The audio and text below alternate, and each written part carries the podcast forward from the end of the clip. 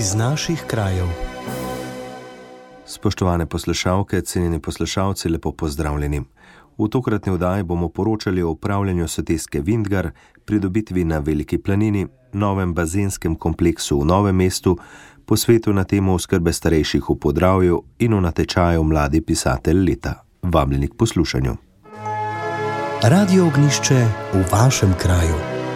Upravljanje čudovite soteske Vindgar kljub večletnim opozorilom občine Gorje ostaja neurejeno, zato je med občino in zavodom Triglavski narodni park prišlo do napetosti.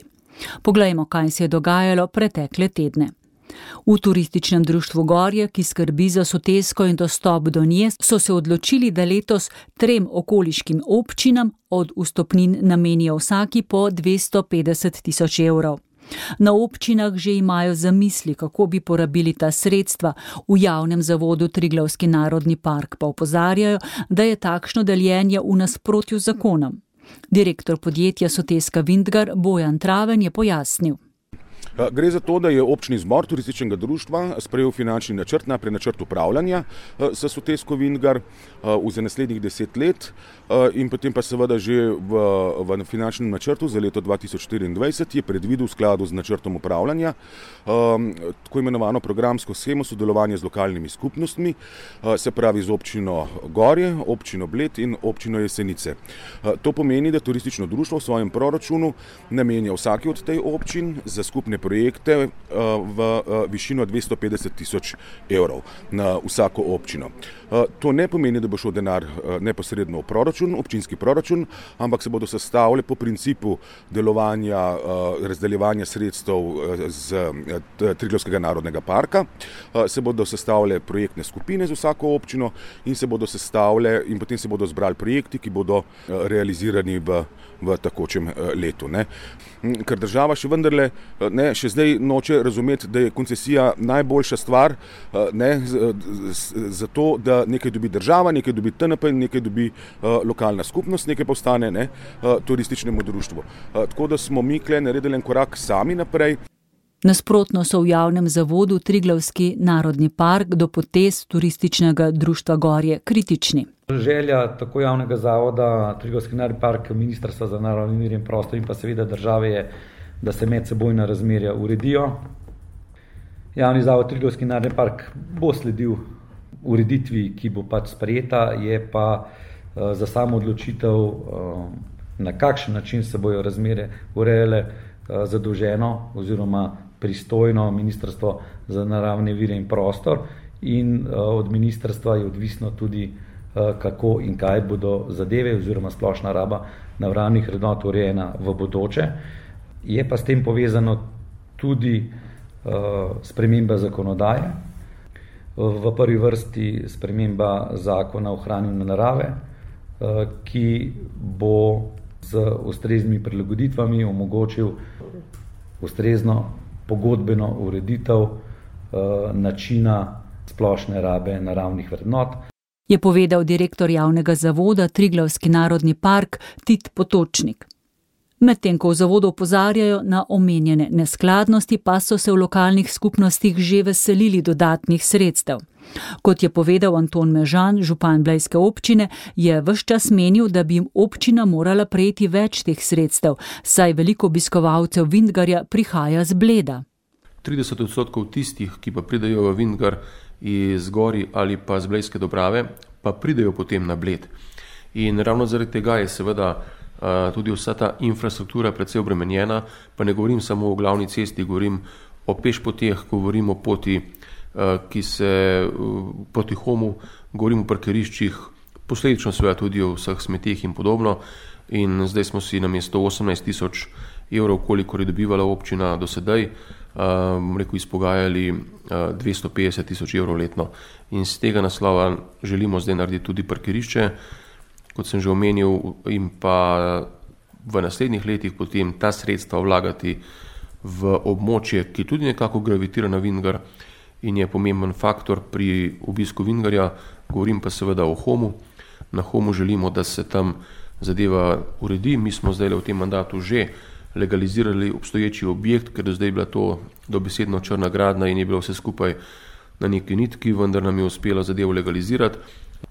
Smo trenutno v fazi nekega risanja ideje, kako ne bi zgor izgledalo, komu izgledalo v bodoče eh, in vse to bo nekje marca, aprila predstavljeno tudi krajevni skupnosti za SIP, njihovim društvom, da gremo potem z roko v roki naprej in da v nekaj letih dobimo nek objekt, ki bo morda tudi neko prizorišče za dogodke. Vemo, da je v zasipu to družbeno in družabno življenje izredno razgibano, razvejano in da bodo imeli tudi oni boljše pogoje za bivanje.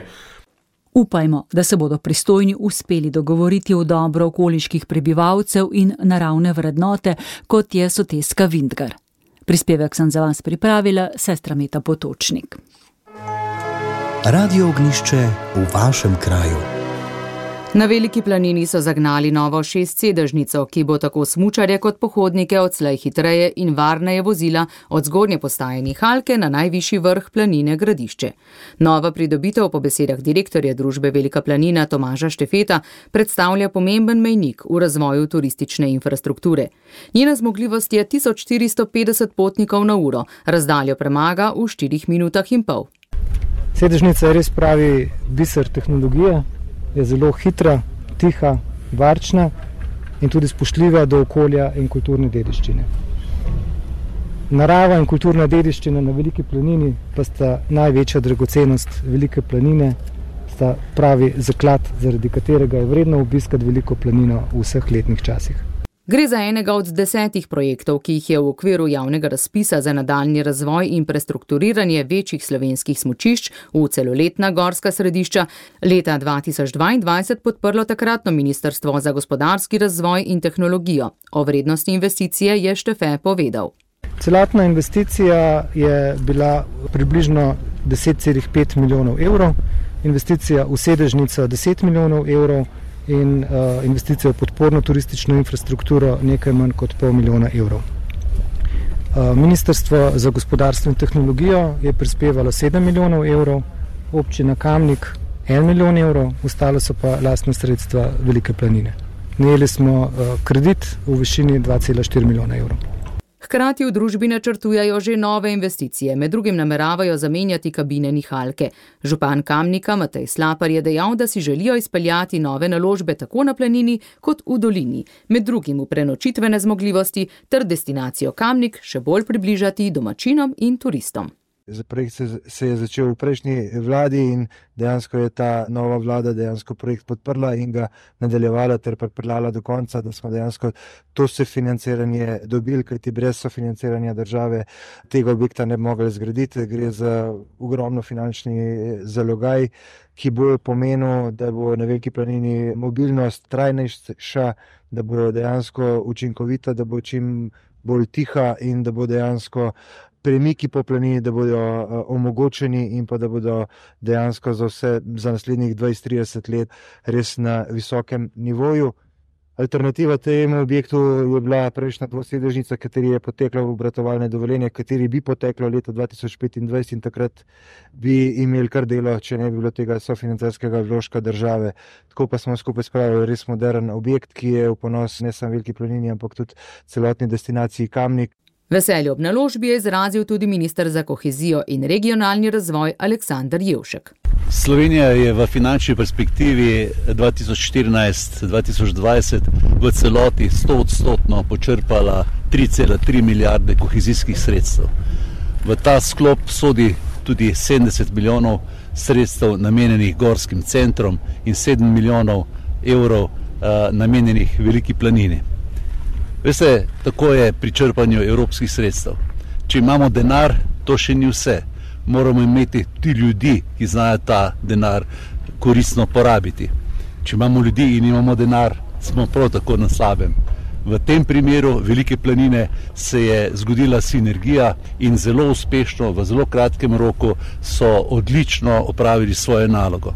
In zato in tudi kot minister čestitam in se veselim naših naslednjih skupnih projektov. Prispevek sem pripravila Tanja Dominko. Radio ognišče v vašem kraju.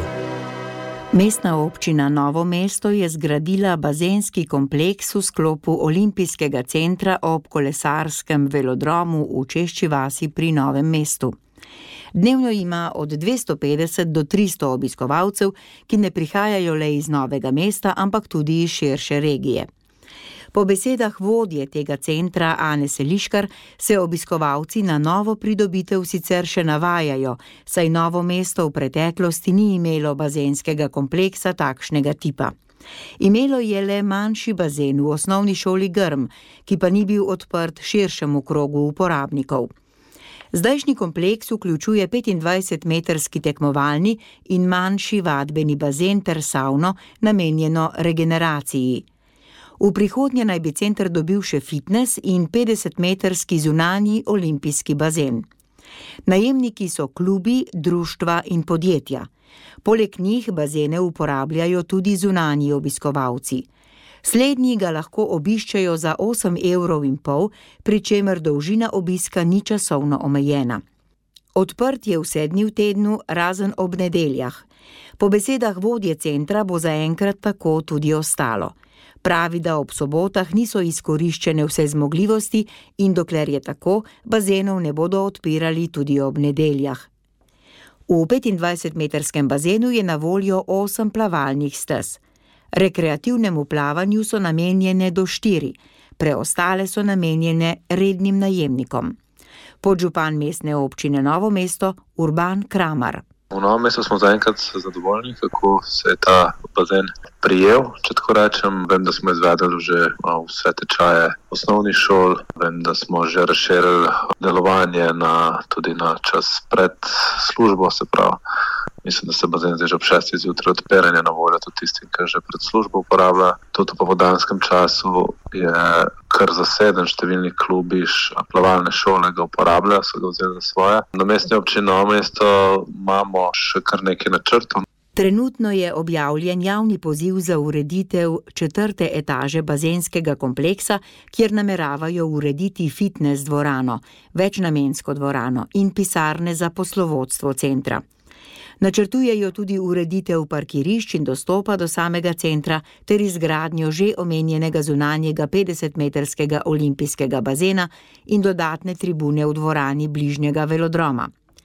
Izgradnji slednjega sta sicer po besedah Kramarja odvisni predvsem od tega, ali jim bo uspelo dobiti državna sredstva. Za njih nameravajo kandidirati na maja lani najavljenih razpisih, na katerih naj bi država za športno infrastrukturo v prihodnjih petih letih razdelila 150 milijonov evrov. Prispevek Jona Kanjerja sem prebrala Mateja Subotičanec. Radio ognišče v vašem kraju. V oddaji iz naših krajev se zdaj selimo v Maribor. V tamkajšnjem kliničnem centru so ta teden priredili posvet o integrirani oskrbi starejših v podravski regiji. Prebivalstvo se stara in vedno več je starejših z demenco in z drugimi težavami v duševnem zdravju. Strokovnjaki so se na posvetu osredotočili na vprašanje, kako za te osebe poskrbeti po akutnem zdravljenju v bolnišnici. Odgovor na to je treba najti čim prej, meni strokovna direktorica UKC Maribor Nataša Marčun Varda.